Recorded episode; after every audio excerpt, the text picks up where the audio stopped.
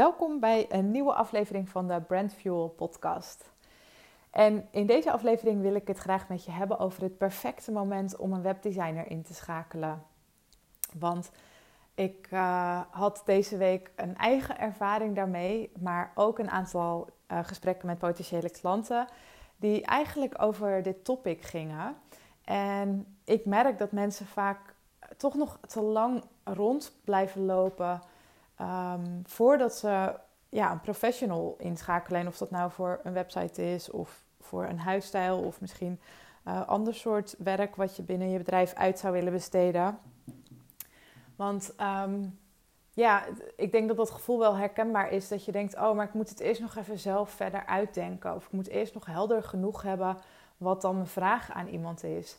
En um, in veel gevallen kan degene die jij zou willen inschakelen je ook heel goed helpen met die vraag. Dat ervaarde ik zelf deze week weer, omdat ik uh, mijn eigen website aan het um, bouwen ben, een nieuwe website. En hiervoor heb ik voor het eerst uh, zelf ook een designer ingeschakeld. Juist omdat ik nu een goede basis neer wil zetten. En dat super lastig is om dat echt vanuit jezelf te halen. Ik vind het heel fijn als ik um, ja, bevraagd word door anderen om naar een ja, dieper level te komen. Um, waar juist echt die unieke elementjes liggen uh, ja, die je zeg maar in je huisstijl uh, mee wil nemen. En een aantal keer heb ik ook gedacht van, oh, ik, ik, ben daar nog niet. Ik moet daar eerst nog allemaal dingen voor bedenken en moet daar nog allemaal stappen voor zetten. Uh, tot ik op een gegeven moment dacht, ja, dat is volgens mij gewoon niet um, de beste manier. Want juist door met iemand te gaan werken, uh, krijg je veel helderder wat je dan moet gaan doen. Um, zo kwam ik uiteindelijk bij Lisa met een uh, vraag over visuals. Uh, waarin zij zei: Nou ja, Leon, ik heb eigenlijk wel eerst nog even wat tussenstappen van je nodig. Um, om te zien wat nou precies je verhaal is. Dus dat had ik allemaal uitgeschreven. Toen dacht ik, nou, dan kan ik nu in ieder geval met haar aan de slag gaan. Uh, en kan ik uh, het schrijven van de copy uh, tegelijk laten lopen met haar werk. Um, waarop zij juist weer mij meegaf van ja, als we dat op die manier doen, dan krijg je een soort van bedachte visuals. En we willen juist dat de visuals je verhaal ondersteunen. Dus het is niet gewoon een leuk plaatje om je website te vullen. Maar dat gaat over uh, ja, eigenlijk het visueel maken van je verhaal. En dit is natuurlijk wat ik met klanten doe. Um, en ik trap zelf ook in die valkuil. Dat ik gewoon bepaalde stappen niet ga zetten of in een verkeerde volgorde. Uh, als het voor mezelf is. En um, ik, daar heb ik dus een aantal gesprekken ook over gehad deze week. Die eigenlijk gingen over ik weet nog niet goed genoeg wat ik op mijn website wil.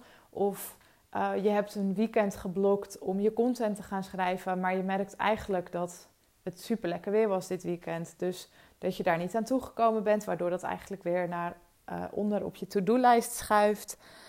En vaak is het ook gewoon um, voor je gevoel de grootheid van zo'n project, um, die ja, eigenlijk door de, de hoeveelheid werk die daarin zit voor je gevoel, begin je er maar niet aan. En ik heb juist gemerkt um, dat als je in die fase belandt, dat het juist heel fijn is om al met een webdesigner te gaan zitten. Um, want die kan, ja, als ik voor mezelf spreek, ik ga al echt kijken met mijn klant van, nou, hè, wat wordt het doel van je website? Welk verhaal wil je vertellen?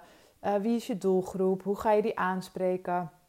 En door uh, daar samen al echt naar te gaan kijken, uh, maakt het het voor jou zoveel makkelijker en leuker om gefaseerd eigenlijk aan zo'n webdesign project te gaan werken.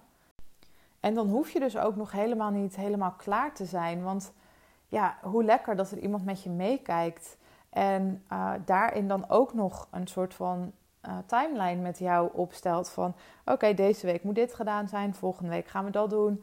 En dan worden die stappen gezet. Dan heb je voor jezelf ook een, een houvast. Dan weet je precies wanneer er wat moet gebeuren. En dan is dat ook wat makkelijker in te plannen in je eigen planning. En het kan natuurlijk ook zo zijn dat je twijfelt over of je überhaupt al daar bent um, om een nieuwe website of misschien wel je eerste website te laten bouwen, ook dan is het goed om met iemand in gesprek te gaan. Want dan kun je daar gewoon samen even naar kijken. Ehm, en kun je ook voor jezelf helder krijgen, mocht je er nog niet zijn, welke stappen je dan misschien nog te zetten hebt voor je daar wel klaar voor bent. Dus eigenlijk in alle gevallen, wanneer is het beste moment om een webdesigner in te schakelen? Volgens mij nu. Merk jij nou dat je al een tijdje vastloopt met je eigen website? Dan ga ik graag met je in gesprek. Je kunt me even een berichtje sturen op lian brandfuel. Dan deel ik heel graag met je wat ik voor jou voor ogen zie. En kunnen we even kijken of jij al helemaal klaar bent voor jouw next level website. Of dat je misschien nog enkele stappen te zetten hebt voordat je daar bent.